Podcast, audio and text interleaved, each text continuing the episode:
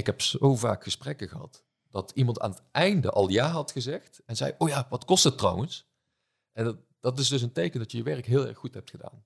Want dan heb je dus heel goed de waarde aangegeven, dat het eigenlijk niet meer uitmaakt wat die prijs was. Want het is een no-brainer om te starten. Welkom bij de Isabelle Veteris podcast. De podcast voor mensen die al heel veel weten over persoonlijke ontwikkeling, maar even power nodig hebben om in actie te komen. Ik ben psycholoog en in de topsport een van de sterkste vrouwen ter wereld geworden. En samen met experts leer ik je binnen een uur hoe je stopt met uitstellen en met een topsportmentaliteit in actie komt.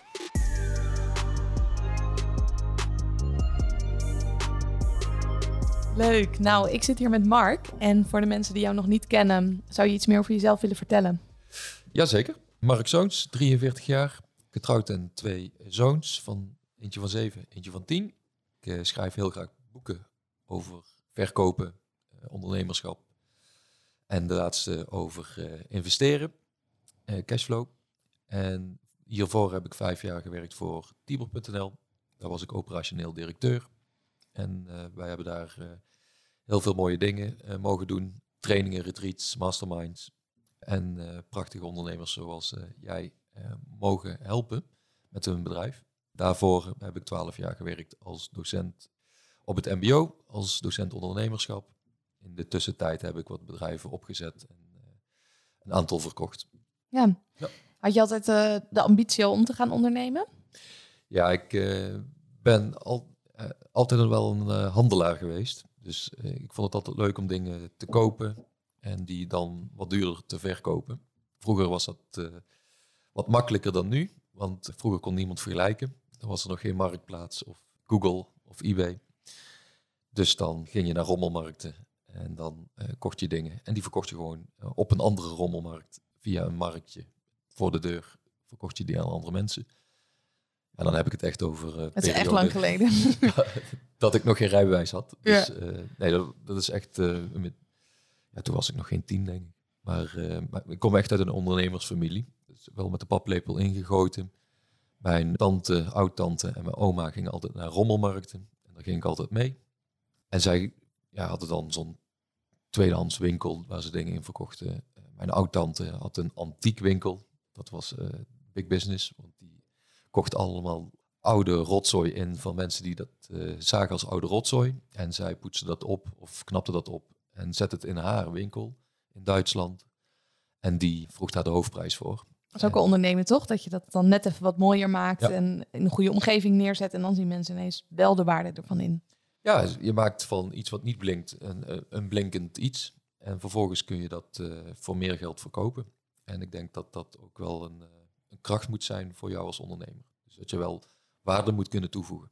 Ja, en ook die waarde zelf moet kunnen zien. Hè. Sommige ondernemers zijn ook onzeker over hun eigen producten. Ik heb natuurlijk ook jouw boek gelezen van, uh, over het verkopen. Als je niet gelooft in je eigen product, dan kan je het ook niet verkopen. Nee, ik, uh, ik, ik geloof dat een van de makkelijkste manieren van verkopen is uh, ja, helemaal grenzeloos gepassioneerd zijn over wat je doet of wat je te bieden hebt. En als jij werkelijk gelooft dat wat jij verkoopt het allerbeste in de wereld is, ja, dat maakt het natuurlijk vanzelfsprekend een stuk makkelijker om het te verkopen. Ja, 100 procent. Maar toch een boek over geschreven. Ja. Welke valkuilen zag je dus voorbij komen bij ondernemers op het gebied van verkopen? Wat gaat daar mis? Ja, wat er vaak mis in gaat, is dat zij heel veel aannames en regels hebben over verkopen in het algemeen, maar zelf verkopen in het bijzonder. En een van de dingen die ik altijd zie, is dat ze uh, scripts uh, gebruiken of dat ze denken dat sales een techniek is dat ze mensen moeten overtuigen. Ja, allemaal dingen die waar kunnen zijn en die ook gewoon kunnen werken. Alleen, het is niet nodig. En dat is het uh, goede nieuws voor de mensen die ja, gewoon op een eigen manier, met een eigen normen en waarden, ook klanten aan zich willen binden. En uh, als jij bijvoorbeeld kijkt naar korte termijn sales, dat werkt altijd in de vorm van transactie. Dus ik, ja, ik verkoop jou iets en jij geeft mij geld. Maar vaak zijn dat maar eenmalige transacties.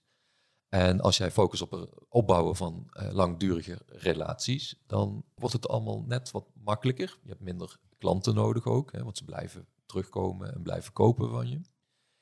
Maar die focus, dat is een kleine verschuiving. Maar voor je bedrijf kan dat een immens verschil maken. Het is echt een game changer. Ja. Ik weet nog wel, toen ik begon met ondernemen, deed ik heel veel met scripts en trucjes. En nu ben ik dat allemaal aan het ontleren. Ja. En toen had ik vaak trajecten die ik verkocht. En dat was dan eenmalig. En nu boekt bijna iedereen voor sowieso al een langer traject. En die boekt dan ook nog eens door en nog een keer door. En Ja. dat werkt zoveel fijner. Ja, ik, ik vind ook het een van de fijnste manieren van ondernemen. Om mensen zo lang mogelijk aan je te binden. Dan wordt het bijna een soort vriendschap of familie. En het is leuker werken. Je hoeft veel minder aan acquisitie te doen.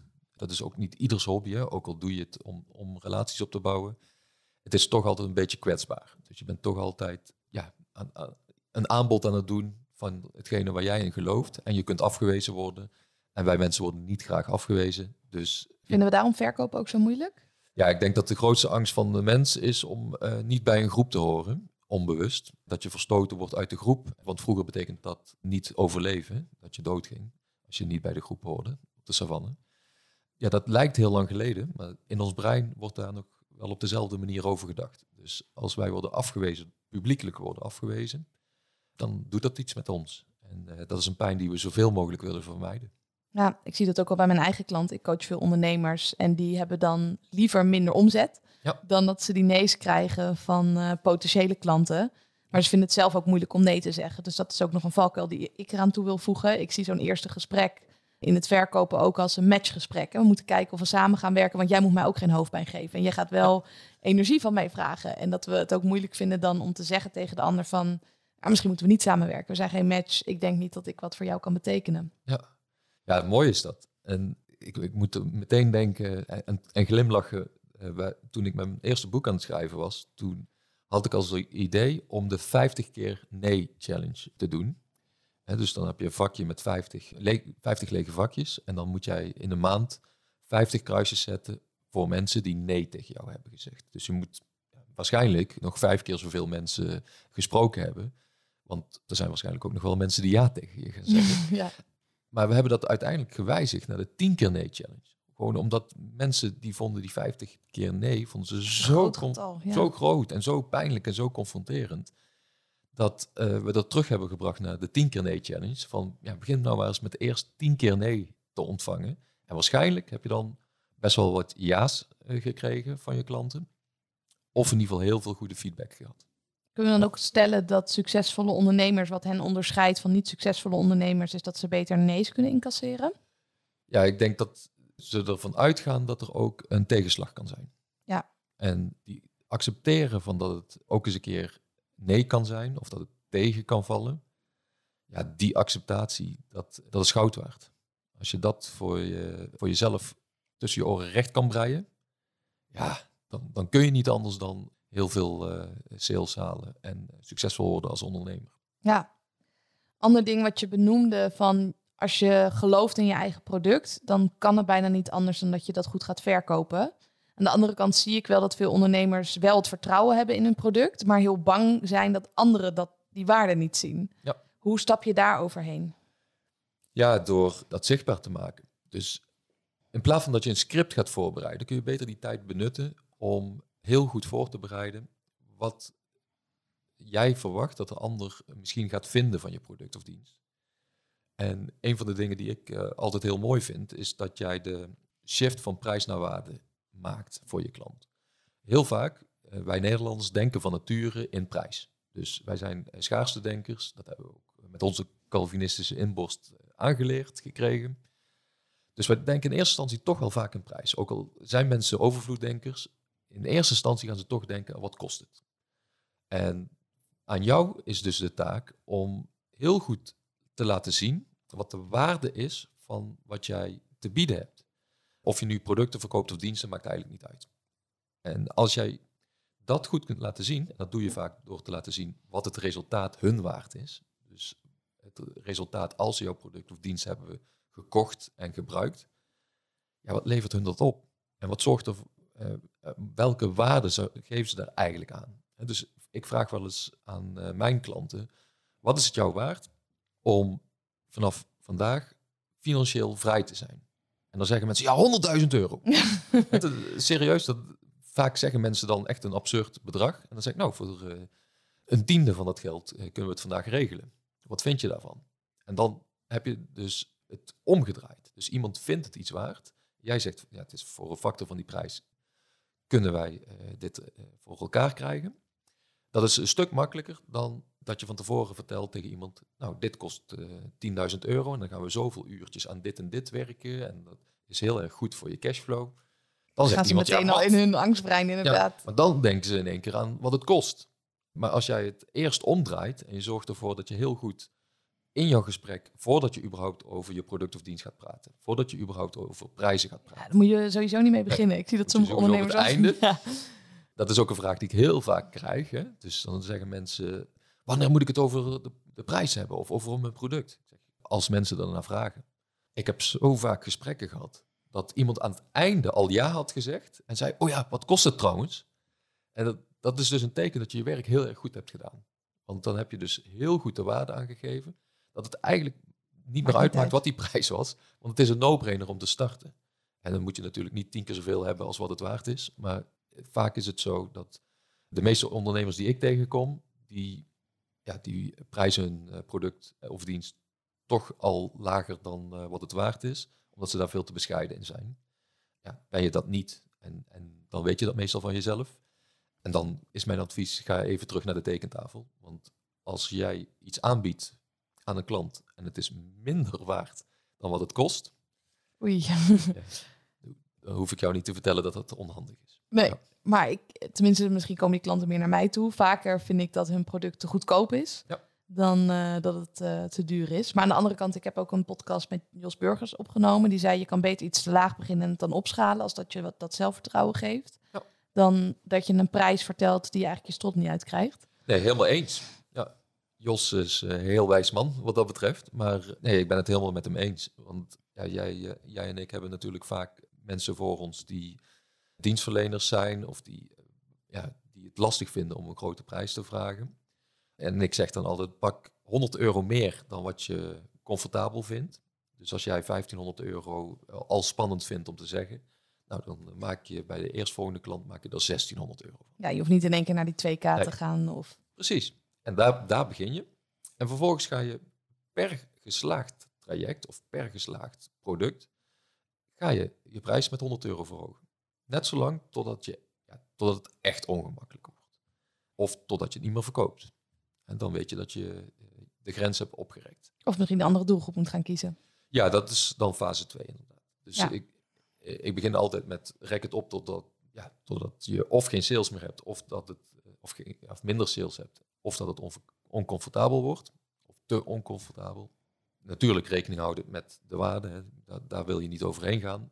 En vervolgens als je merkt van nou, eh, ik heb mijn plafond bij deze doelgroep bereikt, dan kun je inderdaad kijken naar een doelgroep die vaak snel of bepaalde kwaliteit die je hebt extra willen uh, belonen. Ja, en ik denk ook als ondernemer groei je door. Ja. En de nieuwe skills die je hebt geleerd, die zijn waardevoller voor een andere doelgroep dan ten opzichte van je oude doelgroep. Dat heb ik zelf ook zo ervaren. Vroeger werkte ik met particulieren, nu met ondernemers. Ja. En bij ondernemers kan ik meer impact maken dan bij particulieren. Ook al is het voor hen wel heel waardevol. Maar ondernemers gaan er daardoor meer geld omzetten meer rust, meer impact maken. En daardoor krijg ik ook weer meer energie. Ja, ja ik, ik, ik leg het heel vaak uit aan trainers en coaches. Als jij iemand traint die echt een beginner is, het maakt niet uit in welk onderwerp, maar als je, stel je bent een, een business coach en jij begeleidt ondernemers. Als iemand een startende ondernemer is en hij heeft nog nul klanten, dan kan het misschien wel een jaar duren voordat jij die persoon van 0 naar 1 krijgt. Dus website maken, communicatiemodel, eh, producten, diensten. Je, bent alles samen aan het doen. En je bent nog steeds gewoon op jouw kwaliteit mee aan het coachen. Maar voor die persoon is dat jaar is misschien maar 5000 euro waard. Want hij gaat van nul naar uh, zijn of haar eerste klant. En daar zijn ze super blij mee. Maar in principe, die klant levert misschien 5000 euro op. Dus is, is het eigenlijk maar 5000 euro waard. Als je vervolgens met een andere doelgroep gaat werken. Bijvoorbeeld, uh, je werkt alleen maar met bedrijven die 3 miljoen omzet draaien en jij helpt ze om te schalen naar 10 miljoen omzet. Dan groeien zij met omzet, technisch met 7 miljoen. Laten we zeggen dat er 10% winst van is. Dan is daar 7 ton, is hun waarde. Voor, hè, dan ben jij 7 ton voor hun waard. Als jij daar dan een ton voor vraagt, is dat een no-brainer. Terwijl je exact hetzelfde doet met jouw kwaliteit als bij die starter. Ja. Met als enige verschil die doelgroep. Dus inderdaad is het heel nuttig om de juiste doelgroep te bedienen uh, met jouw kwaliteit. Ja, dan moet het wel passend zijn. Ik kan me ook voorstellen als je beginnend coach bent, kan het heel stoer klinken van ik help bedrijven die 3 miljoen doen. Maar je moet het ook oefenen met de kleinere bedrijven om te weten hoe dat een beetje werkt. Ja, alles draait om ervaring natuurlijk. Hè. Dus Ja. ik, ik ga er altijd vanuit dat als iemand een doelgroep bedient tussen de 3 en de 10 miljoen, dat hij ook een track record heeft Exact. om eh, daarmee om te kunnen gaan. En dat hij niet rechtstreeks uit school komt. Maar dat zie je wel steeds meer gebeuren, vind ik hoor. Dat coaches die eh, hebben een, ergens een cursusje gedaan. En die zeggen dan, eh, ik ben eh burn-out coach en ik kan iedereen helpen met eh, deze en deze dingen. Ja, ja goed. Ja. Ik, ik moet altijd grinniken om de 21-jarige life coach natuurlijk. Ja, ja. Die, die, geen levenservaring heeft. Maar ze zijn er. En het klopt. Ik denk dat het ook een beetje met social media te maken heeft. Dat mensen denken dat ze alles kunnen worden. En dat alles maar mogelijk is. Ja, ik denk dat heel veel mensen ja, die, die luchtbel eh, wel doorprikt gaan zien worden ergens in de komende paar jaar. Ja, dat denk Eh, ik ook. Want ja, het is gewoon, het gaat niet. Hetzelfde als dat je denkt dat rotzooi uit China importeren, dat dat een duurzaam businessmodel is. Dat is het gewoon niet. Hè. Je kunt wel eh, gaan dropshippen, maar je bent geen ondernemer dan. Je, je, je Nee, voert een nee. kunstje uit. En, en er zijn heel veel succesvolle dropshippers. Ik was al dropshipper voordat ik wist dat het dat woord bestond met mijn wijnbedrijf. Want dropship is niks meer dan dat je een tussenpersoon hebt die al het werk voor je doet. En jij vangt eh, het geld. Nou, dus zo heb ik uiteindelijk toen ook mijn wijnbedrijf ingericht. Alleen ja, pas eh, vijf, vijf tot tien jaar later kwamen ze met die termen op de proppen. Ja, vooral ook dacht- om het andere mensen te leren, zodat ze daar Ja, zelf ook geld mee konden verdienen. Maar ook dropshipping werd in één keer slechte kwaliteit leveren voor, voor veel, te veel, veel te hoge marges. Ja, met Facebook advertenties. Ja. En ik, ja, ik heb voor mijn wijnbedrijf volgens mij nog nooit geadverteerd online. Maar die business liep gewoon.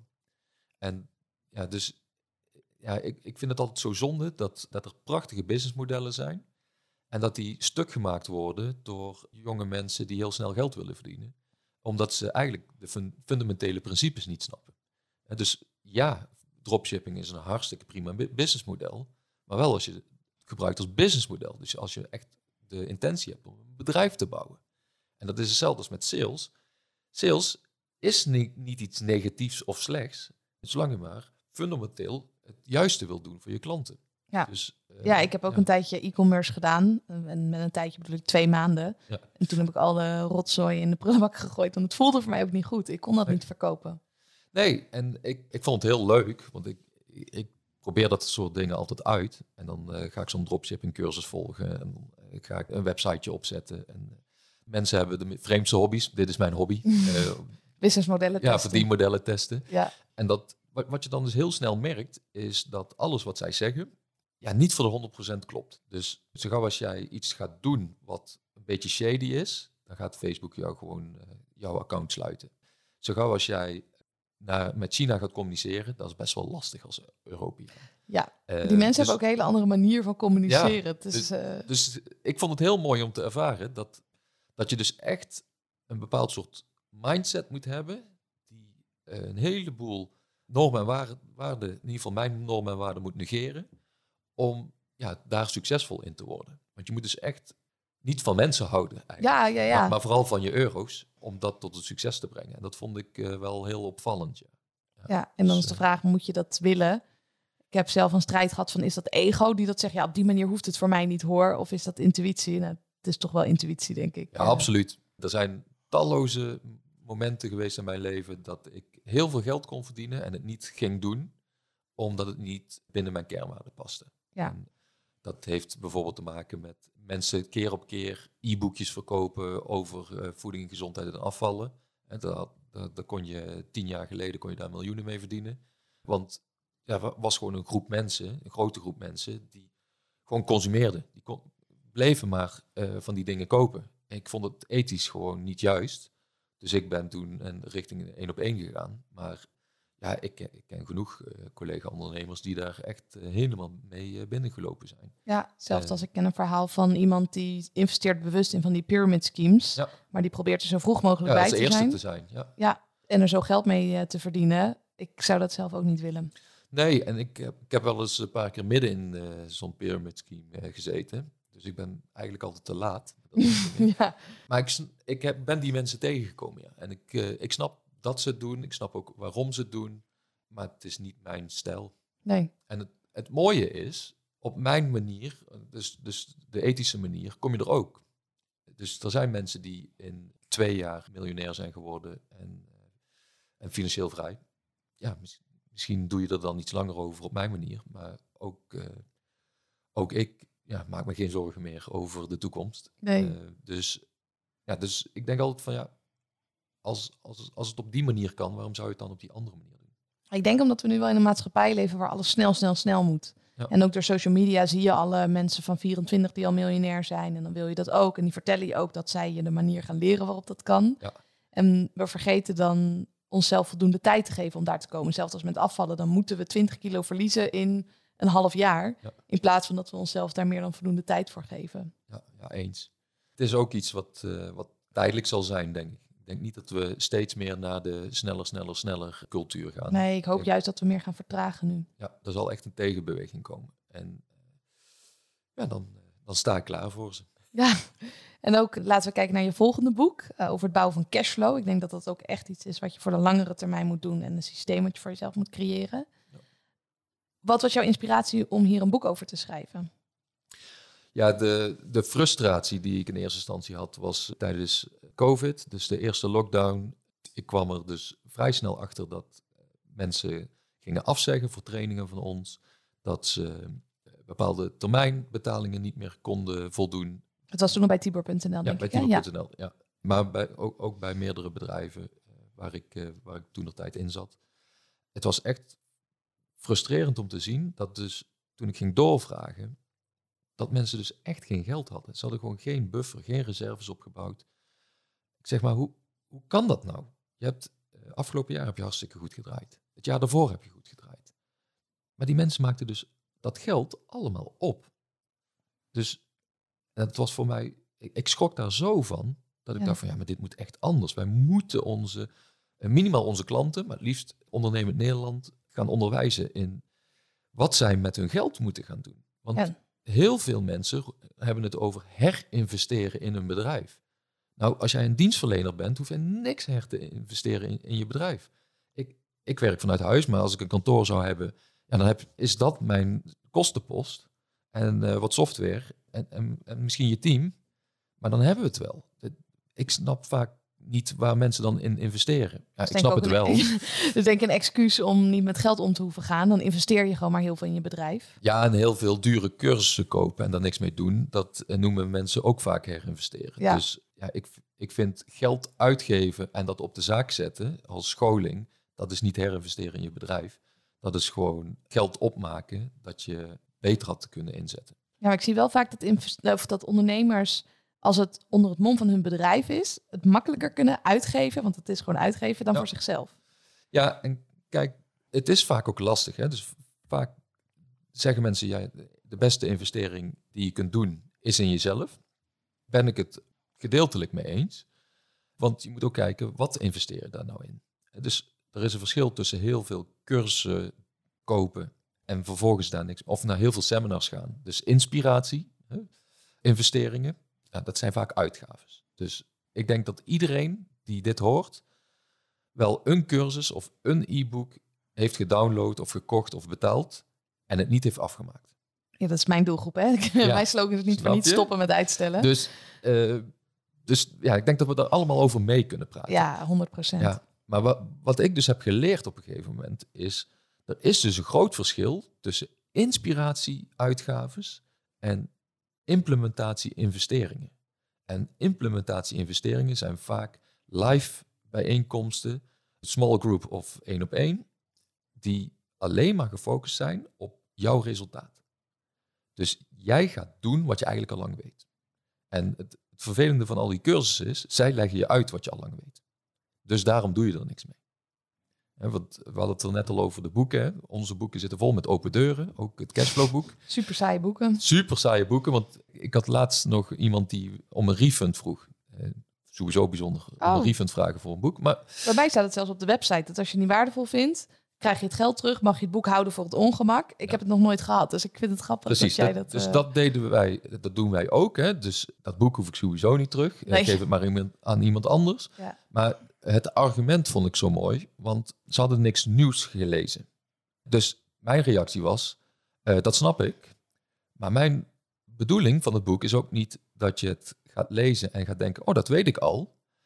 Nee, het doel van het boek is dat je het gaat doen. En eh, daarvoor heb ik ook allerlei tools daarbij beschikbaar gemaakt. Dat mensen het kunnen gaan rekenen, dat mensen de eerste stap kunnen gaan zetten. Mensen moeten ook een eigen plan opstellen. Maar ja, dan klinkt het alweer als werk. Eh, Ja, dan moeten ze er ook daadwerkelijk iets mee gaan ja, doen. dus eh, dan hebben ze liever een ander boek. Ja. Voor de nieuwe inspiratie. Ja. Ja. En jij schrijft over zeven stappen die je doorloopt om cashflow op te bouwen. Zou je ons kort door, door die zeven stappen heen kunnen loodsen? Oeh, goede vraag. Je mag de, het boek erbij Mag ik spieken? Ja, ja, ja, zeker. Ehm, nou, eh, kijk, kijk wat, wat altijd heel belangrijk is om, om mee te beginnen, is dat je eerst gewoon even kijkt naar, naar de kostenstructuur. Dus je gaat eerst eventjes kijken naar, eh, oké, welke kosten maak ik nu eigenlijk op dagelijkse, maandelijkse basis. Dus eh, kijk altijd eerst naar wat er uitgaat. Vervolgens kijk je naar wat er binnenkomt. Mijn, mijn, ik ben niet zo'n spaargoeroe. Ik, ik hou van dingen besparen. Ik hou ook van niet onnodig geld uitgeven. Dus dat, dat is helemaal oké. maar ik hou niet van beknibbelen. Dus, Nee, dat eh, is- zag ik ook op je Instagram volgens mij, dat het makkelijker is om 10 euro extra om te zetten als ondernemer dan om 10 euro te besparen. Ja, kijk, en bij 10 euro is dat mooi. Maar als we het gaan hebben over 100.000 euro, dan wordt het lastig. Want veel bedrijven maken niet eens 100.000 euro kosten.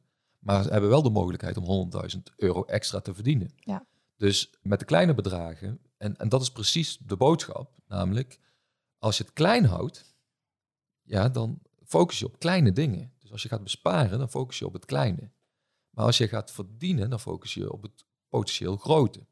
En dat kan veel meer opleveren, kan veel sneller gaan. Wat natuurlijk niet eh, jou vrij speelt om niet te besparen. Of om opeens geld te gaan brassen. Ja. Eh, of Maar dat je niet elk dubbeltje gaat omkeren, dat je meer de onnodige dingen niet meer doet, maar dat je niet vijf supermarkten afgaat om alle bonussen eh, Exact. te kopen. Dat kost te dus- veel tijd. Ja, en, daar zou ik altijd een uurloon voor jezelf eh, opzetten. Dus ik eh, reken altijd met een uurloon van 1000 euro voor mezelf. Eh, dus alles onder de 1000 euro probeer ik zoveel mogelijk uit te besteden. En dat lukt natuurlijk niet altijd. Maar alleen die mindset zorgt ervoor dat je gewoon heel anders naar je dag kijkt, maar ook naar je werkzaamheden. Dus je gaat dan niet bijvoorbeeld een, een, zelf je videobewerking doen van, van een video die je hebt gemaakt voor social media. Je gaat in principe al niet je eigen social media doen. Je gaat je eigen e-mail niet doen. Je gaat je boekhouding niet doen. Je, snap Je je? gaat Dus bijna niks meer doen. Nee, eh, dus je gaat heel veel dingen niet meer doen, behalve hetgene wat je en super tof vindt en waar euro's achter zitten. En dan moet je er ook nog goed in zijn, want anders eh, krijg je die euro's natuurlijk niet. Ja, dus, dus- dat zijn waarschijnlijk één op één calls, eh, dit soort dingen als een podcast. Ja, Ehm, ik zie dit dan weer als een hefboom eh, Ja. bijeenkomst. Hè. Dus voor mij is het super fijn om, om heel veel mensen in één keer te bereiken. Voor jou is het fijn om, om gasten te hebben en die weer iets eh, snel eh, bij te leren. Dus voor ons is het win-win. En dat is in mijn ogen hefboom denken. Dus eh, we, winnen er allebei bij. En ik denk dat als je op die manier door je, door je week heen gaat, door je dagen, dan, ja, dan wordt het allemaal net wat makkelijker en leuker. En je kunt je tijd maar één keer uitgeven. Dus ja, benut hem goed. Ja, en geld is er in overvloed. Ook al voelt dat voor sommige mensen alsof dat niet waar is. Maar Voelt niet voor iedereen zo. nee, maar, maar, het, het eh, is wel zo. Het, het geld ligt op straat. Ja. En vorige week zat ik weer drie dagen met 15 ondernemers bij eh, Operatie Doorbraak van, van Tibor. En ja, dan het enige wat wij doen is mensen laten zien. We doen heel veel meer hoor. Maar wat, het belangrijkste wat we daar doen is mensen laten zien. hey, kijk, dit is wat jij nu op dit moment aan het verdienen bent. En dit is jouw verdienpotentieel. Dus als jij met jouw businessmodel een specifieke doelgroep eh, bedient. En jij eh, zorgt dat het probleem heel goed zichtbaar is. En je bent uniek in die oplossing. Nou, dan kun je daar een extra eh, bedrag voor vragen. En dan kun je potentieel deze omzet vergaren. Mensen schrikken zich meestal helemaal lam als zij zien wat ze eigenlijk maandelijks laten liggen aan, aan potentieel. En ja, dat is wat ik met het, eh, met het boek over investeren ook probeer uit te leggen. Dus je kijkt naar die kosten. Je kijkt naar wat is mijn potentiële opbrengst die ik kan, eh, kan halen.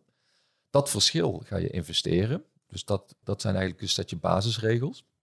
Vervolgens heb je dingen die je gelooft. Dat is eh, jouw, Mindset. jouw tak van sport. Maar Ja. je hebt altijd regels die jij in je kop hebt over geld. Vaak zijn ze van je ouders of van de mensen, je mentoren, de mensen die, waar je mee op bent Nieuws. gegroeid, je omgeving, je vrienden, familie, nieuws inderdaad. En die geldregels die wil, wil je boven water hebben. Zo gauw als je die eh, vier dingen eh, goed in kaart hebt gebracht, dan kun je gaan kijken naar, oké, wat ga ik nou met het geld doen?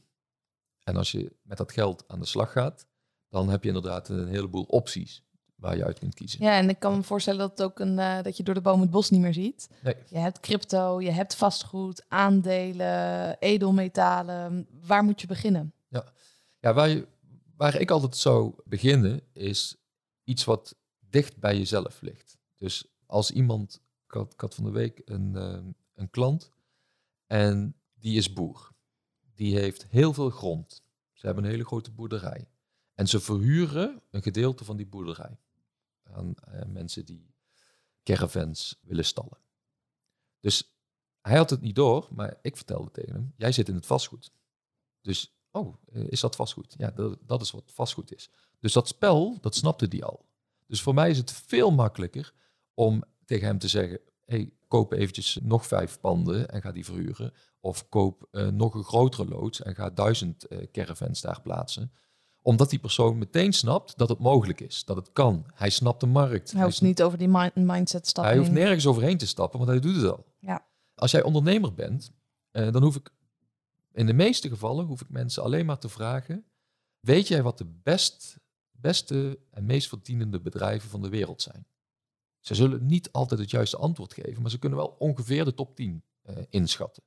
En dus ze snappen wel dat Google best een groot bedrijf is. En dat Amazon een groot bedrijf is. Dat Facebook een groot bedrijf is. Dat YouTube, wat bij Google hoort, dat dat grote organisaties zijn. En als ik ze dan vraag van, denk je dat zij meer of minder winst overhouden dan jij?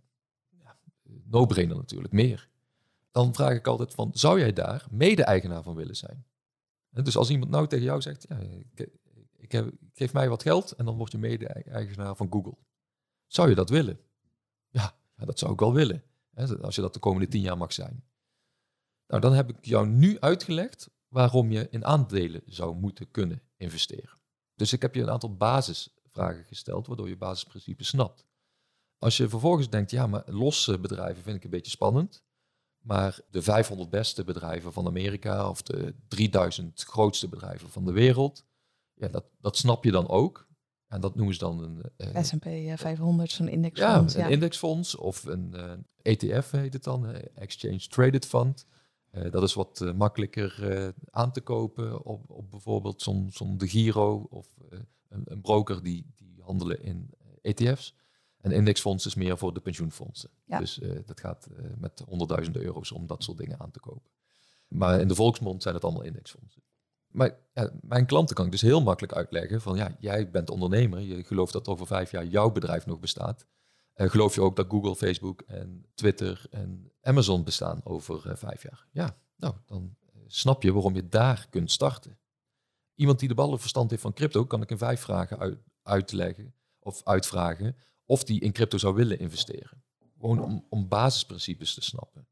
Dus waar begin je? Ja, door de basis te leren van iets wat heel dicht bij je staat. Ja, dus ook te kijken van welke dingen weet ik juist al. Wat snap ik al? Ja. ja dat doe je eigenlijk als ondernemer ook. Dus je gaat als ondernemer ook niet denken van, eh, ja, ik, eh, ik ben heel goed in powerliften, dus ik ga financieel coach worden. Dat, dat zou een hele rare stap zijn in eerste instantie. Zeker. Ehm, net zo goed als dat ik, ja, ik zou geen balletcoach moeten worden. Want ik, ja, snap ik niet. Nee. Dus, maar, maar dat, ja, dat zie ik dan bij, bij investeren, zie ik dat vaak wel. Dus ik had, ik had vanmorgen ook weer een gesprek met iemand. Die zegt, ja, ik, eh, ik snap niks van crypto, maar ik wil een crypto. Ik zeg, ja, hoeveel geld heb je? Ja, een paar ton. Oké, laten we eens beginnen met de basis te leren. Voordat we überhaupt over crypto gaan praten. Want misschien, als je de basis snapt, wil je helemaal niet meer in crypto. Dus dat soort dingetjes, ja, dat, daar begin je eigenlijk mee. Dus je moet echt de basis leren. Je moet je echt inleren, je huiswerk doen. ik Eh, denk dat met crypto zeker mensen dan mee willen gaan in de hype. En ook al snappen ze er helemaal niks van, dat ze toch Ja. hun geld erop in willen zetten. Ja, en de twee domste emoties in, in een investeringsland, hè, dus maakt niet uit waar je in investeert, zijn hebzucht en angst. Dus dat zijn Daardoor de kopen slechtste... mensen op de piek en verkopen ze in de dip. We hebben nu weer net een eh, dipje gezien. Ik denk dat mensen nu ook uit angst heel veel gaan verkopen. Ja, ja ik, ik ken verhalen van mensen die op 60.000 euro bitcoin hebben gekocht en die hem nou op 20.000 hebben verkocht. Uit angst. Ja. Terwijl toen die op 60.000 stond, toen geloofden ze dat hij naar een ton ging. En nu verkopen ze hem omdat ze bang zijn dat hij naar 10 gaat. Ja, dan, dan heb je de basis dus niet geleerd. Nee. Kan het niet ook een strategie zijn om te zeggen, hey, ik zie dat hij aan dippen is. Ik haal er een deel uit om bij een ergere dip bij te gaan kopen. Ja, dat kan een prachtige strategie zijn, maar niemand weet wat de, wat de markt gaat doen. Dus Nee. als je zoiets zou doen, ja, dat zie ik heel vaak namelijk. Mensen zijn echt heel vaak als het gaat om investeren, alles of niets mensen. En dat siert je als je ondernemer bent, en dus bang zijn en toch doen. Het is heel onhandig als investeerder. Dus eh, ik heb liever een hele voorzichtige investeerder. Daardoor zijn vrouwen vaak beter in investeren dan mannen. Omdat zij zullen nooit een ton in één keer in een investering gooien. Zij Nee. doen dat in twaalf keer. Dan doen ze het in twaalf stukjes. Dan moet je voorstellen dat jij in oktober een ton als man in crypto had gestoken. Auw. Ja? en je bent nu een half jaar verder. Of ja, we zijn nu tien maanden verder. Eh, elf maanden verder. Nou, dan had je dus nu, hè, waarschijnlijk heb je dan nu 60% minder dan een jaar geleden. Als een vrouw dat had gedaan, of iemand die voorzichtiger is, die de basis een beetje snapt, nou, die is nu nog, heeft nu nog 1 twaalfde eh, langs de lijn staan. Dus die heeft nu nog, zeg, zeg 8000 euro, die ze kan inleggen. Dus als dadelijk nog een dip komt naar 18.000, heeft hij gemiddeld voor misschien 23.000 euro gekocht. Nou, die maakt zich niet zo'n zorgen. Maar het had ook kunnen stijgen en dan was de strategie van de man beter geweest. Als crypto keer twee was gegaan. Ja, dan was crypto keer 2 gegaan en dan had die man wel moeten uitstappen. Op, op keer 2. En waarom? Als hij geen winst had genomen, dan gaat het daarna ook weer dalen natuurlijk. Ja. ja. Dus ja, dat, dat is een beetje het lastige. Want je kunt wel winnen maar dan- en dan win je iets groter. Maar het verlies is altijd groter. Ja. Dus dat is de, dan wordt het gokken. En ja, je kunt altijd groots winnen als je gokt. Ik denk altijd van, met welk doel ben je dit nou aan het doen? Dus als jouw doel is om financieel vrij te worden en daarvan te kunnen leven, ja, dan zou ik niet zoveel risico nemen. Dan zou ik niet gaan gokken. Ik- hè, dus ik, sowieso ben ik dan al niet een groot voorstander van al je geld in crypto steken. In de eerste plaats omdat het volatiel is en omdat het geen stabiel rendement oplevert in koopkracht op dit moment. En ik denk dat je risico's moet spreiden. Ja, risico's spreiden. Maar eh, kijk, als je weet wat je doet, wordt het al minder eh, nodig om risico's te spreiden. Dus een simpel voorbeeld, als jij vastgoedmakelaar bent en jij zit de hele dag zit jij in de vastgoedwereld, je hele portfolio is in vastgoed, jij kent de markt, je, kent iedereen, financieren gaat allemaal makkelijk, afstoten gaat allemaal makkelijk. Ja, zo iemand die kan makkelijk 100% in vastgoed zitten. En, en misschien 5% of 10% in iets anders. Maar die zit zo kort op de bal. Ja, als, ik, als die geld in crypto gaat steken, nou gegarandeerd dat hij daar geld gaat verliezen. Ja. Want die is daar helemaal niet mee bezig. Die zit 100% van zijn tijd en zijn energie in vastgoed te steken. Dus ik denk ook altijd van ja, als je nou ergens echt super goed in bent, bijvoorbeeld, wij, wij kennen allebei Bernd Mintjes, al- dat is een investeerder die investeert in bedrijven. En dan ook in start-ups die Ja. bewust eh, een bepaalde waarde hebben, maar het mag ook niet erboven zitten. Ja. Dus super specifiek. Ja, heel specifiek. Maar ja, in principe moet hij niks anders doen dan dat. Nee, En, en alle andere vastgoed gaan Nee. kopen.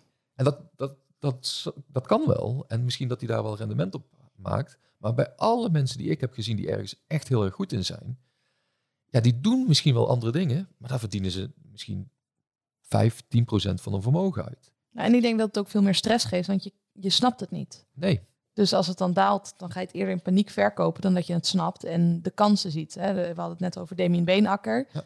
Die eh, heeft mij ook een aantal dingen geleerd over het investeren. En hij raakte juist heel enthousiast. Had een bepaald aandeel waar hij heel groot fan van is. En op het moment dat dat aandeel niet steeg, raakte hij enthousiast omdat hij wist dat het wel had moeten stijgen. Dus Ja. dat hij dacht, wow, het wordt alleen maar meer waard. Ik kan het nog voor minder bijkopen. In plaats van dat je dan baalt van, oh, het doet nog steeds helemaal niks. Fuck it, ik verkoop het allemaal en ik ga door naar het volgende. Ja, dat is heel mooi. Maar dat is wat ik nu bij, bij Bitcoin bijvoorbeeld ook zie. Het is uitverkoop, zoals ik dat zie. Nee, maar het is geen, het is geen beleggingsadvies of investeringsadvies. Nee. Maar hè, doe altijd je eigen huiswerk. Disclaimer, disclaimer. Maar, eh, maar het is wel gewoon zo dat als jij ergens in gelooft als het 60.000 eh, dollar waard is en het is nu 20.000 dollar waard, waarom zou je er dan nu opeens niet in geloven? Dus eigenlijk zou je er nu drie keer zo erg in moeten geloven. En sterker nog, drie keer zoveel van moeten inkopen. En ja, dat is heel raar, want als jij kleren koopt en ze zijn in de uitverkoop, dan weet je niet hoe snel je daar eh, naar de rekken toe moet gaan. En nu zie ik mensen continu het omgekeerde doen in investeringsland. Dus dan is iets in de uitverkoop. Het heeft, het heeft potentie. Het is al tien jaar aan het winnen van alle andere assetklasses. En vervolgens lopen ze ervan weg. Ja, vind ik eh, machtig interessant hoe dat menselijk gedrag werkt. Precies. Ja. Ja, Dus het is uh, helemaal vanuit emotie. ja, alles vanuit hebzucht en angst. En dat zijn de twee slechtste emoties om, uh, om te benutten met, uh, met investeren. We hadden net in de voorbespreking al kort over vastgoed. Dat is ook een onderwerp waar ik heel gepassioneerd over ben en waar ik ook graag met jou over wil spreken. Ja. Want ik denk in, we, we zitten nu natuurlijk in een hele bijzondere tijd op, op alle vlakken van investeren. Het kan alle kanten op gaan. Ja. Hoe kijk jij aan tegen de vastgoedmarkt? Ja, er er zijn altijd kansen in, in de vastgoedwereld. En dat, laat, laten we daar gewoon mee beginnen. Dus zou ik op dit moment appartementen aankopen en die direct, eh, direct gaan verhuren? Nee, dat, daar, die markt is op dit moment redelijk op slot. Eh, Door de hoge overdrachtsbelasting, door de gestegen prijzen, door de concurrentie. Er zijn heel veel mensen, particulieren en investeerders, die op dezelfde markt aan het eh, duiken zijn, de afgelopen, zijn geweest de afgelopen drie jaar, maar nog steeds wel. Ik denk dat je daar relatief weinig marge nog kunt, kunt halen. Maar de afgelopen drie jaar zijn best wel pittige jaren geweest voor eh, bedrijven, voor winkels, voor horecaondernemers. En die vallen bij bosjes om en dat is heel vervelend, laten we dat even vooropstellen. Maar de een zijn dood is de ander zijn brood. En als jij weet dat er eh 600.000 woningen tekort zijn in Nederland, zie ik daar wel kansen. Dus je ziet in de Nederlandse markt zijn gigantisch veel kansen om te transformeren, om verbouwingen te doen, om dingen anders in te richten en waarde toe te voegen. Daar, daar heb je hem weer. Eh, dus zo gauw als jij waarde kunt toevoegen, zijn er altijd kansen in het vastgoed. Ben ik daar nu mee bezig? Nee. Adviseer ik nu mensen om dat te doen? Niet per se. Wat ik zou willen meegeven aan mensen die dus dit wel interessant vinden, maar daar redelijk nieuw in zijn, is lift nou eens gewoon een tijdje mee met mensen die dit al jarenlang doen, die hier bakken met geld mee verdienen en die bereid zijn om gewoon een serieus gedeelte daarvan te delen met jou. En dan bedoel ik als investeerder. Heb je het over crowdfunding platformen? Dat kan crowdfunding zijn, peer-to-peer lending inderdaad in de breedste zin. Je hebt vastgoedfondsen van mensen die gewoon geld nodig hebben om door te schalen met hun bedrijf. Dus zij hebben een vastgoedorganisatie, zij doen niks anders dan panden goedkoop aankopen, die opknappen en weer verkopen. Ja, die hebben een gedeelte kunnen ze bij de bank financieren, maar een gedeelte zegt de bank van, ja, sorry, dat moet je zelf doen. En dat gedeelte, ja, dat hebben ze vaak niet helemaal zelf of willen ze niet helemaal zelf. Nee, want dan kan je niet opschalen. Inderdaad. En dan gaan ze dus die 20% van, van die projecten, gaan zij halen bij particuliere investeerders. En dan moet je echt denken aan rentepercentages van een half procent per maand tot aan Meer nog Eh, wel. eh, anderhalf procent per maand. Dus eh, dan moet je dus denken aan 6 tot 15 procent rendement op jaarbasis. Nou, ik ken genoeg vastgoedinvesteerders die nu geen netto aanvangsrendement van 6 procent hebben. En de eh, huizenprijzen zijn op dit moment ook niet, zo, niet meer zo hard aan het stijgen dat, dat je daarvoor het vastgoed in moet gaan op dit moment. Ja, en we hebben geen glazen bol, maar Nee. ik denk niet dat het dezelfde stijging gaat doorzetten in de komende jaren als wat het gedaan heeft. Sterker nog, ik denk zelfs dat het eh, aan het kantelen is, of ik zie Ja, dat het aan het kantelen is. Ik, ik denk niet dat het duurzaam is wat er eh, de Nee. afgelopen vijf jaar is gebeurd. Dus eh, in dat opzicht denk ik dat we daar heel veel ja, dingen hetzelfde zien en daar hetzelfde over denken. En dan zeg ik vaak tegen mensen van oké, maar stel nou dat jij dat risico niet hebt van het hele aankopen, verbouwen, krijg ik de financiering wel, krijg ik het wel verkocht. Maar jij kunt gewoon iedere maand rende- rendement halen van 1%, 1% per maand. Nou, dan heb je iedere maand krijg jij gewoon 1% op je investering. Als jij een ton hebt, krijg je iedere maand 1000 euro. Hoe lekker is dat? Ja. En aan het einde van het jaar, of wanneer jij, voor, voor welke termijn jij het eh, hebt uitgeleend, krijg je gewoon weer je inleg terug. En dan kun je kijken wat je dan gaat doen. Kun je nog altijd na, na dat jaar alsnog iets kopen. Maar dan heb je wel eventjes 12.000 euro extra op je rekening. Dus je groeit en ondertussen kijk je rond. Dus, en je leert van, van de projecten waar je in zit. Dus dat is iets wat, eh, wat ik nu heel interessant vind. En wat ik bijvoorbeeld ook in, eh, in Engeland aan het doen ben. Ja, plus je hoeft er weinig tijd in te stoppen. Ja, het is Ik, eh, hands-off, hè? zit zelf nu veel in het vastgoed, maar ik merk dat het ook veel headspace kost. Dan moet je weer die bellen en, en zus bellen, onderhandelen, er naartoe rijden. Ja. En dit kost veel minder tijd. Ja, passief inkomen, toch? Ja, tot nu toe nog niet, Nee. nee. Nee, Nee, totaal dat, niet. dat zeg ik ook altijd in mijn boek. Hè? Dus Je krijgt geen passief inkomen door Nee. passief te zijn. nee, je moet eerst actief inkomen vergaren. En dan kun je kijken of je het kunt automatiseren, waardoor het passief wordt. Maar mensen die vanaf dag één passief inkomen willen, het kan theoretisch gezien wel. Maar in- ik, ik zie het ja, in de 99 van de 100 gevallen zie ik dat niet gebeuren. Ja, meestal ga je iemand anders heel rijk maken door dat te geloven. Want dan ga je daar weer een cursus van volgen. Exact. Of kopen. Ik weet Ja. niet of je hem dan volgt. Maar Ja. Ja, dat is, dus ik denk dat je, dat je toch altijd eerst aan de bak moet. En ja, een van de minst aan de bak manieren is door eh, goede projecten uit te zoeken van andere mensen die ervaren zijn. En dan zit je toch in het vastgoed en leer je mee, groei je mee, maar hoef je niet zelf te doen. Dus dat kan. Verder zie ik in, in het buitenland gewoon nog heel veel landen die nog niet op het punt zitten qua, qua vastgoedprijzen, rentes, als hier in Nederland. Ja, ik hoorde Willem Middelkoop over Dubai spreken. Ja. Dat hij zei van, nou, volgens mij eh, gaan daar heel veel kansen komen. Of eh, Engeland hoor ik veel mensen over, Spanje. Ja, ja, ik kreeg vanmorgen nog een appje of ik eh, in, in zo'n groep wilde van mensen die in eh, appartementen in Dubai gaan investeren, of ik daar interesse in had. Ja, weet je, ik, ik kijk altijd graag mee naar dat soort dingen. Maar voor mij is het wel zo dat je ziet gewoon dat er, de wereld is best wel groot en wij zijn vaak gewend om heel lokaal te denken met onze investeringen. En er zijn altijd kansen.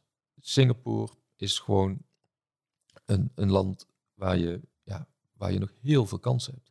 Als je kijkt in het eh, Zuidoost-Azië, wat daar nog allemaal aan, aan groei gaande is op dit moment, ja, daar heb je gewoon vastgoedprijzen die 20, 30 procent per jaar aan het groeien zijn. Ja, als Westerling kun je daar met relatief kleine bedragen vrij makkelijk eh, goede investeringen doen. Dat zijn dingen, die, ja, dat, dat onderzoek ik allemaal, dat vind ik leuk. En daar ga ik in de toekomst ook wel meer over delen, zodat mensen daar ook wat meer kennis over gaan krijgen. Want ik zie dat mensen echt veel te lokaal denken als het gaat om een investering. Ja. Dat, eh, dat is zonde, want je kunt hier in Nederland kun je misschien 6% met je vastgoed halen. En dan doe je het echt al goed op dit moment, netto. Maar ja, 10, 11, 12, 20 procent in, in het buitenland is best wel mogelijk. En ja, ja, waarom zou je het dan niet doen? Ja, ik denk omdat het spannend is, omdat het verder weg is. Ja. Dus dat dat onbekender voelt voor mensen. Ja, maar toen jij je eerste eh, huis of pa- appartement eh, kocht voor de verhuur, was toch ook spannend? Ja, ja, zeker. Ja. Het is altijd een beetje spannend. Ja, daarom. Dus Ja. ik denk dat je die, dat gevoel ook iedere keer een beetje moet oprekken met investeren. Dus Ja. dat je dingen spannend moet vinden, maar ze toch doet. Want je leert er altijd van, ook al is het niet altijd direct winstgevend. Ik heb één pand gehad dat, dat had erfpacht, waardoor eh, de grond niet van mij was, maar het pand wel. Ja, dat is een behoorlijke druk op je, op je rendement. Maar ik heb er superveel van geleerd om, om een jaar lang te leren werken met de VVE. Hoe zit het nou met erfpacht? Aan wie moet je dat betalen? Want dat wist ik in het begin ook niet. Wat kost dat? Hoe kun je dat afkopen? Dus ik heb, ik heb daar zoveel van geleerd. Het belangrijkste wat ik heb geleerd is dat ik nooit meer iets koop met erfpacht. Ja, precies. Dat Maar- ik ook al snel. Eh, banken gaan er ook vaak niet in mee. Nee, nee, nee, het was heel ingewikkeld, ook met de verkoop. Dus ik heb gewoon een cash buyer gehad om dat pand over te nemen. Gewoon iemand die dat contant kon kopen. Want een financierder die doet per definitie moeilijk met, met erfpacht. Omdat dat ja, gewoon voor de maandlasten gewoon heel erg eh, drukkend is. Ja. Dus eh, ja, dat, je leert daar altijd van. Net zo goed als dat ik nu in Engeland weer heel erg aan het leren ben van andere mensen. We hebben, we hebben daar een hotel. En dat wordt omgebouwd naar acht appartementen. Superleuk project. Maar je leert er heel veel van. Eh, we zitten al een jaar te wachten op de vergunning bijvoorbeeld. Dus we hebben prachtige tekeningen van de architect. Een mooi project. Maar dan krijgt iemand een burn-out eh, bij de gemeente. En dan eh, moet je dus continu achter de feiten aanlopen. Ja, dan geven ze COVID nog altijd de schuld. Dus ja, je bent er zo een jaar later en je hebt heel veel dingen geleerd. We hebben krakers in het pand gehad. Er zijn vuurtjes gestookt in de achtertuin. We hebben bewaking moeten regelen. We hebben de boel dicht moeten timmeren. We hebben ineens allemaal voeten aan de grond daar. Mensen die we kennen die een kijkje komen nemen om ons te ondersteunen. Dus ja, je hebt weer contact met mensen. Ga je daar ook fysiek naartoe? Ik ben er zelf nog niet geweest, maar een van de eh, partners waar ik het eh, project samen mee doe, die is inmiddels wel al, eh, twee daarvan zijn er al een keer geweest. En dan maken ze videootjes en dan zeggen ze wat ze zien en wat ze ervan vinden. Dus dat is wel leuk. En het is heel typisch, want als ik hier in Nederland drie uur zou moeten rijden, ik zou een pand in Friesland hebben, zou ik er naartoe rijden. Maar omdat het in Engeland is en je moet de boot pakken of je moet de Dat tunnel pakken, dan voelt het als verder weg en dan ga je er wat minder snel naartoe. Tenminste, ik ga er dan niet naartoe. Ja. Terwijl ja, je kunt er met gemak ja, in de halve dag naartoe rijden. Dus eh lang voelt toch als meer gedoe, hè? Ik heb mijn schoonouders wonen op Texel. Dus Ja. die zijn dit jaar verhuisd. Maar sinds ze daar wonen zie ik ze minder vaak dan toen ze nog op het vasteland woonden. Omdat je dan ineens met een boot naar de overkant moet. Ja. Super weird, maar dat voelt als eh dan zijn we toch een beetje gedoe. gemaksdieren. Ja, hè? Het is gewoon fijn dat je in de auto kan stappen en je rijdt door en dan ben je bij de bestemming. Ja, dat, eh, dat werkt zo. Ja. Bij, eh, bij heel veel dingen werkt het goed om eh, de, de gemakkelijke versie te kiezen.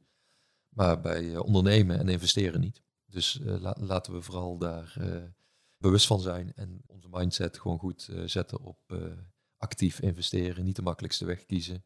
Goed inleren, huiswerk doen, een plan maken. Ik zie dat heel veel mensen investeren zonder plan en al helemaal niet met een strategie. Dus wat, wat is het verschil tussen een plan en een strategie? Een plan kan zijn, ik eh, koop eh, vijf munten, in, bitcoin munten of eh crypto munten. Ik koop vijf muntjes en de komende vier jaar ga ik die inwisselen in bitcoin. Dus gauw als de munten stijgen, dan verkoop ik ze. Dan koop ik bitcoin voor, van, de opbrengst. En als bitcoin stijgt, dan verkoop ik dat weer en dan heb ik weer euro's. En dat zou bijvoorbeeld een plan kunnen zijn.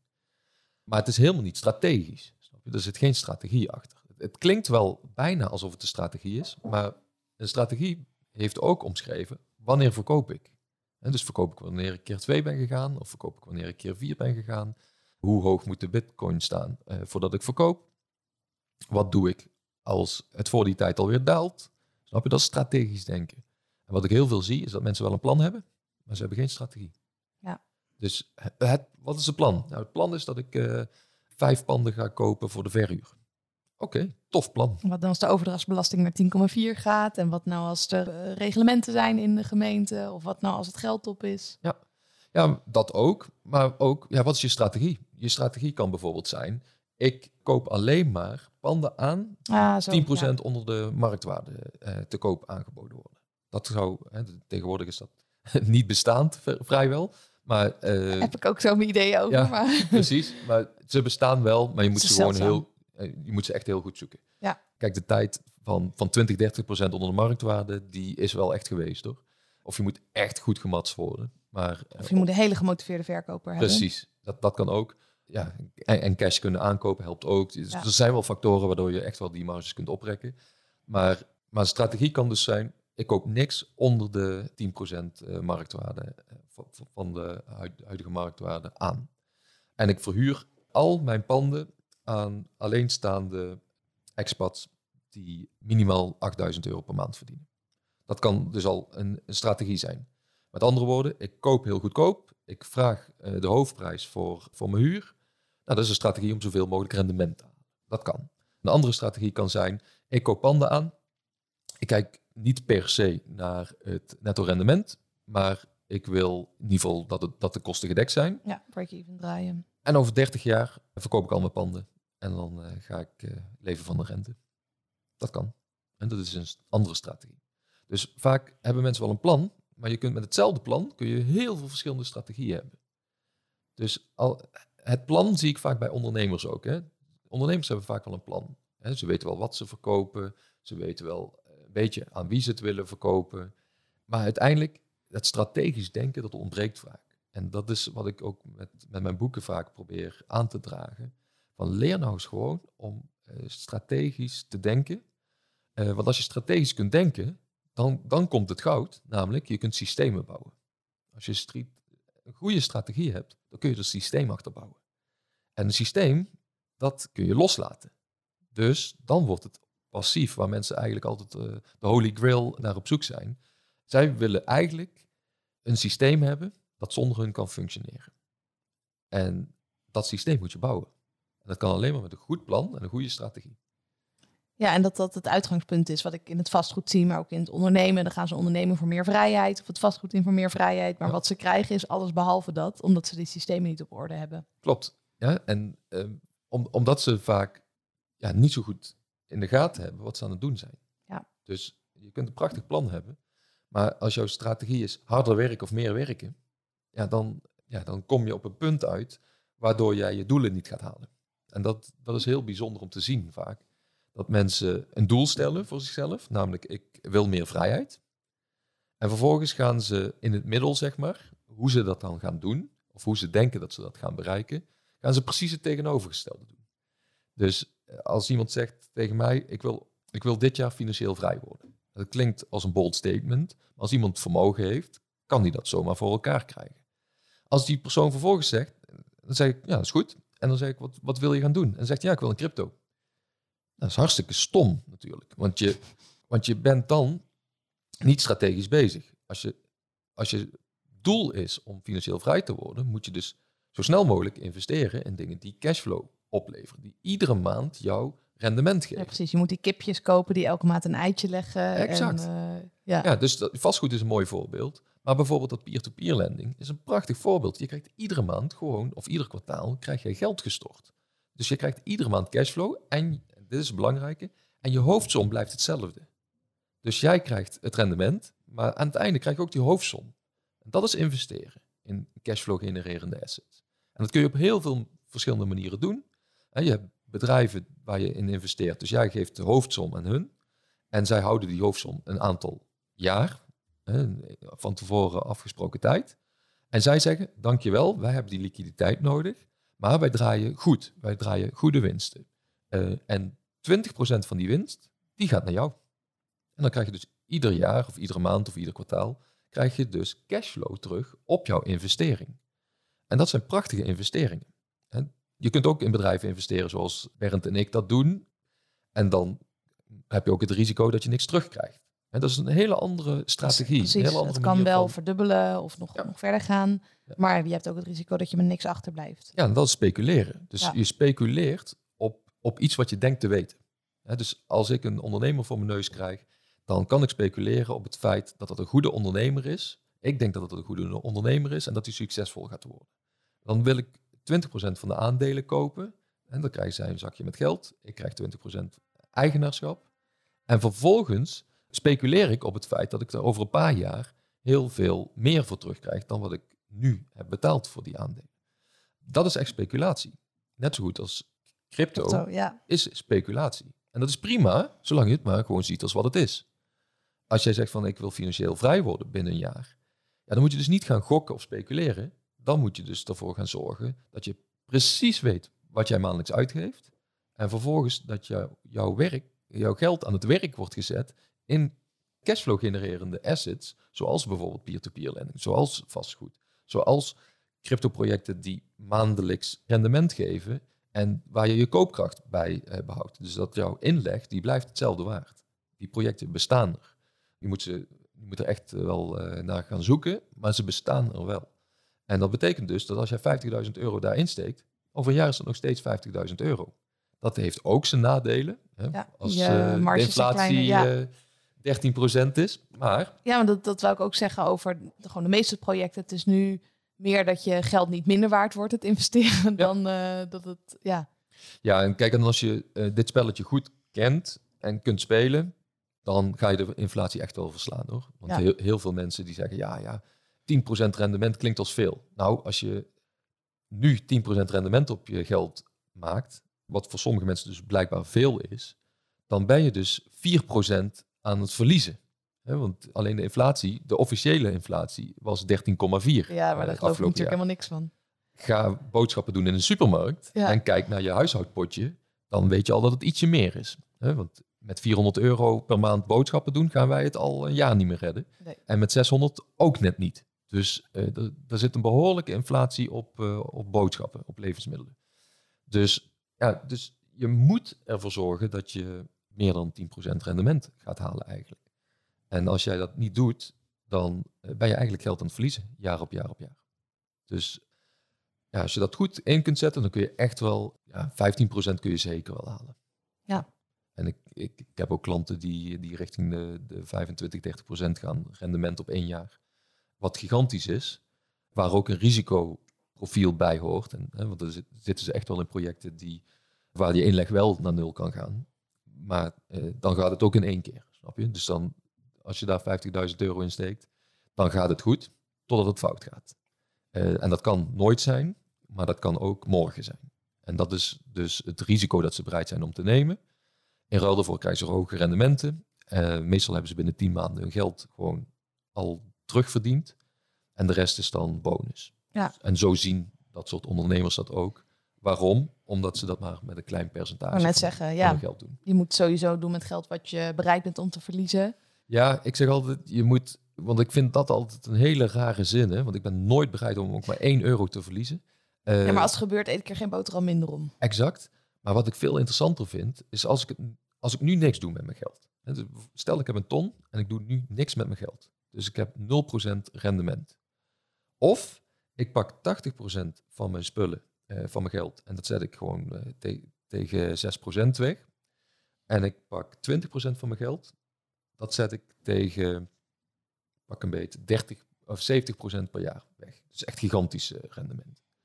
Als dit wegvalt, na een half jaar, dat is gewoon de rekensom die ik met klanten maak. Als dit wegvalt na een half jaar, heb je nog steeds een ton. Dan zeggen ze, hoe kan dat nou? Ja, door die andere.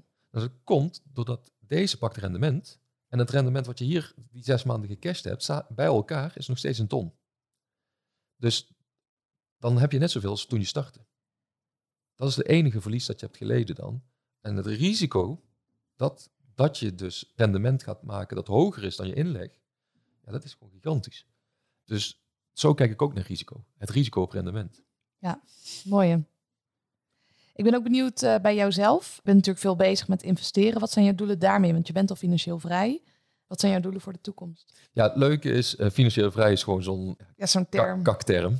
Want wat betekent financieel vrij? Nou, je hebt een uh, bepaald uitgavenpatroon en ja, je hebt cashflow uit je assets, dus uit je investeringen. En dat bedrag is maandelijks hoger dan wat je uitgavenpatroon is.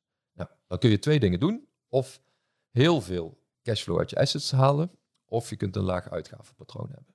Nou, wij hebben in principe hebben beide wel goed gespeeld. Dus we hebben niet zo'n heel hoog uitgavenpatroon, waardoor we vrij snel op het punt zijn gekomen dat de, de cashflow uit investeringen hoger is geworden. Als je aan mijn vrouw vraagt, voel jij je financieel vrij? Dan is het antwoord volmondig nee. En waarom is dat? Ja, omdat er altijd iets mis kan gaan. Dus mijn volgende doel is om ervoor te zorgen dat ik niet één keer financieel vrij, maar vijf keer. Dus op vijf verschillende fronten dat ik kan zeggen, oké, als vier wegvallen, dan hoef ik nog steeds niet per se mijn bedrijven te runnen. Dus dat is het mooie. Je hebt altijd een backup plan. Alleen ik vind het fijner om gewoon meerdere backups te hebben. Ja, precies. Dus dat is mijn primaire doel voor nu.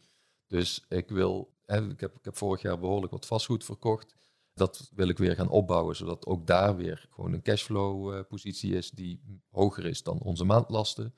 En dat wil ik op vijf verschillende fronten doen. Dus ik ga dat doe nu met, met een aantal crypto-projecten. Ik uh, wil het met aandelen en ETF's weer uh, terugbrengen. met vastgoed.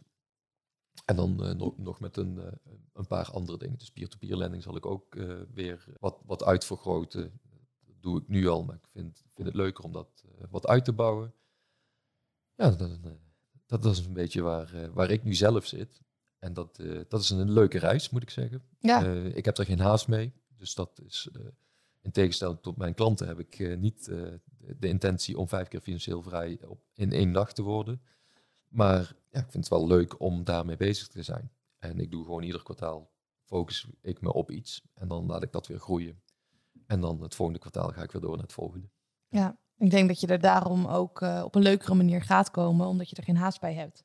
Nee, ik zie vaak dat gehaaste mensen, dan is het nooit goed genoeg. Nee, en het is een spel. Hè? Dus uh, ik zie het leven sowieso als een spel. Ik denk dat, ja, dat er altijd wel genoeg geld deze kant op gaat komen. Dat, daar geloof ik ook gewoon in. En ja, de rest is gewoon bonus. En, eh, ik, vind het, ik vind het geldspel heel leuk. Ik vind het investeringsspel heel leuk. Ik vind ondernemen heel leuk. Dus dat zijn dingen die ik ook graag doorgeef aan anderen. Dat leer ik gewoon andere mensen graag uit. Ja, dus dat is al een cashflow systeem aan zich. Door gewoon te praten met mensen over eh, hoe zij dat kunnen doen voor zichzelf. Ja, en ja, je moet ook gewoon bezig blijven. Dus eh, ik, ik, heb al uh, het afgelopen jaar wel gemerkt dat ik geen stilzitter ben. Maar je wil groeien, toch? Ja, maar we hebben heel veel gereisd en dat was prachtig. En ik, en ik geniet echt van mijn vrouw en mijn kinderen, dus daar echt, echt niks verkeerds over. Maar ook zij worden op een gegeven moment een beetje onrustig als ik niks aan het doen ben. Want dat voelt zo onnatuurlijk. Ja, voor, de man alle die partijen. Moet gaan jagen. Ik moet gewoon lekker aan de bak. En ja. Uh, ja, met 43 jaar is dat ook maar goed ook. En ja, weet je, jij vindt je werk ook leuk en ik, ik, ik ook. Als ik financieel vrij ben, dan zou ik alsnog uh, hetzelfde blijven doen, denk ja, ik. Ja, waarschijnlijk wel. Ja, want ik vind het fantastisch. En dat zie ik bij heel veel klanten van mij ook. En dat vind ik zo mooi om te zien. Dus ik help ze dan om, om dat, dat uh, termpje financiële vrijheid te behalen. Dus hun investeringen zijn, zo, zijn goed gedekt. Vervolgens hoeven ze in principe niet meer te werken. En wat zie je dan? Dan gaan ze nog harder werken. Gewoon omdat, omdat het kan. Omdat, die, omdat, je het wil. Ja, omdat ze die vrijheid voelen om, om niet te hoeven. En dan gaan ze dus nee zeggen tegen mensen die ze niet zo leuk vinden. Dus hun werk wordt leuker. He, dus ze gaan alleen maar werken met mensen die ze heel graag eh, als klant willen hebben. Dus hun werk wordt leuker. Dus ze gaan er meer van doen. En dat is, eh, vind ik altijd wel leuk om te zien. Ik gun ook iedereen zijn hangmat en, uh, op een tropisch eiland. Als ze daar gelukkig van worden. Ik heb heel, heel vroeg al gemerkt dat ik daar niet gelukkig van word. Ja, ik heb na een dag meestal wel gehad en de hangmat ligt helemaal niet zo lekker. Nee, het ligt zo ongemakkelijk. En, en, en, zeker als je dan een laptop op je Oh ja, ja, ik heb een filmpje gemaakt op Instagram in Mexico om dat uh, te laten zien uh, van hoe uh, vreselijk zo'n hangmat ligt. Ja, zeker als die zo lekker warm wordt, die laptop. Dan dus, raakt hij over verhit, valt hij uit. Ja, niet te doen. Le levert zeker bij mannen ook weer andere problemen op. kan ik me ook voorstellen. goed, voor, goed voor het nageslacht, zeg ik altijd. Ja. ja. Ik ben bij jou ook benieuwd, wat is de slechtste investering die je ooit hebt gedaan? Uh, wat is de ehm, grootste fout die je daarin hebt gemaakt? Nou, een van de slechtste dingen die me ooit is overkomen is scams in de cryptowereld. Dus uh, ik, kan wel, uh, ik kan wel stellen dat ik daar mijn uh, lesgeld wel in betaald heb inmiddels. Ik, ben, ik zit sinds 2017 in crypto en ik denk dat ik voor totaal omgerekend 100.000 euro wel eh, ben opgelicht. En het toppunt was dat ik dacht dat ik crypto ging minen. En dat ik op dat moment al mijn fondsen overmaakte naar wat ik dacht, eh, de crypto mining company. En dat uh, dat echt binnen drie seconden weg was. Dus uh, en dan slik je even en dan denk je, oeh, dat was alles wat ik had op dat moment. Tenminste in, in crypto. Maar ja. dat, dat was een wijze ervaring. Want alle rode, dat is dus hebzucht angsten, alle rode vlaggen had ik van tevoren aan kunnen tikken. Dus ik had van tevoren, met, als ik gewoon wat geduldiger was en iets minder hebzuchtig, had ik makkelijk kunnen zien dat het voor geen meter klopte. Er gebeurde niks op een officieel platform. De website waar ik op kwam, die was niet geverifieerd, had geen beveiliging. Het was niet de normale website die ik had gegoogeld. Dus het was een lettertje verschil. Allemaal dat soort dingetjes waar je van denkt van ja, volgens mij klopt het niet helemaal. Dat zie je, dan niet meer hè? Sorry? Dat, dat zie je dan bijna niet meer als je in die hebzucht zit. Of dat wil je nee, niet kijk, als jij denkt dat jij 4% per dag kunt verdienen met, met uh, minen, dan, dan denk je van dat ga ik even snel regelen. Tenminste, ik ben zo iemand die dat allemaal wil uitproberen en die dat heel snel regelt. En heel goed van vertrouwen is. Daar moet mijn vrouw altijd zo om grinniken. Ja, dat eh, heeft me heel veel opgeleverd in mijn leven. Maar het heeft me ook wel eens uh, dit soort dingen gekost. Maar de, de les daaruit, uh, die ik daaruit uit heb gehaald, is in datzelfde jaar had ik voor drie keer zoveel aan vermogensgroei gehad als dat ik verloren had. En als ik dat vergelijk met de vijf jaar daarvoor, had ik best wel verstandig belegd en groeide ik met 10% per jaar. Gemiddeld. 10, 11% per jaar. Dus door heel, het heel, op heel safe te spelen, kun je inderdaad gewoon 10% per jaar groeien, wat hartstikke mooi is. En dan ben je op je 55, 60ste ben je klaar als je op tijd begint. Hè. Dus als je op je 25ste begint, na 30 jaar, uh, en dan, uh, dan ben je klaar, dan hoef je niet meer te werken. Ik ben nu 43 en ik ben eigenlijk op mijn 35ste pas begonnen. Dus binnen acht jaar hoefde ik al eigenlijk niet meer te werken. En dat, dat is gelukt doordat ik continu ben blijven leren. Dus ik ben, ben niet gaan speculeren, ik ben gaan leren. Dus ik ben gaan leren van fouten, leren van andermans fouten. Ben me echt gaan, gaan nerden op, op bepaalde onderwerpen, waaronder crypto en vastgoed. En dat heeft me echt heel veel uh, gebracht. En nou mag ik daar andere mensen mee helpen, dus dat vind ik ook heel leuk. En uh, dat delen in, in zo'n boek. Maar dat is wel ja, een reis die je of moet maken, of je moet gewoon heel goed kijken naar wat andere mensen hebben voor fuck-ups hebben gehad en wat ze hebben geleerd. En dan kun je daarvan leren. Dat vind ik vaak ook het leuke van, van boeken of, of mentoring met mensen. Je leert gewoon heel erg snel van andermans fuck-ups. Ja, ik leer bijna nog beter van mijn eigen klanten dan zij waarschijnlijk van mij. Ja, je leert het beste door het uit te leggen. Nee, dat knip ik eruit bij de podcast. dat, uh, de slechtste manier is juist leren uit een boek. Toch hebben we allebei een boek geschreven. Maar de beste manier is het leren door uit te leggen. Ja, ik zeg altijd, de, de, de beste manier van leren is lezen. De beste manier van leren in de praktijk is gewoon implementeren.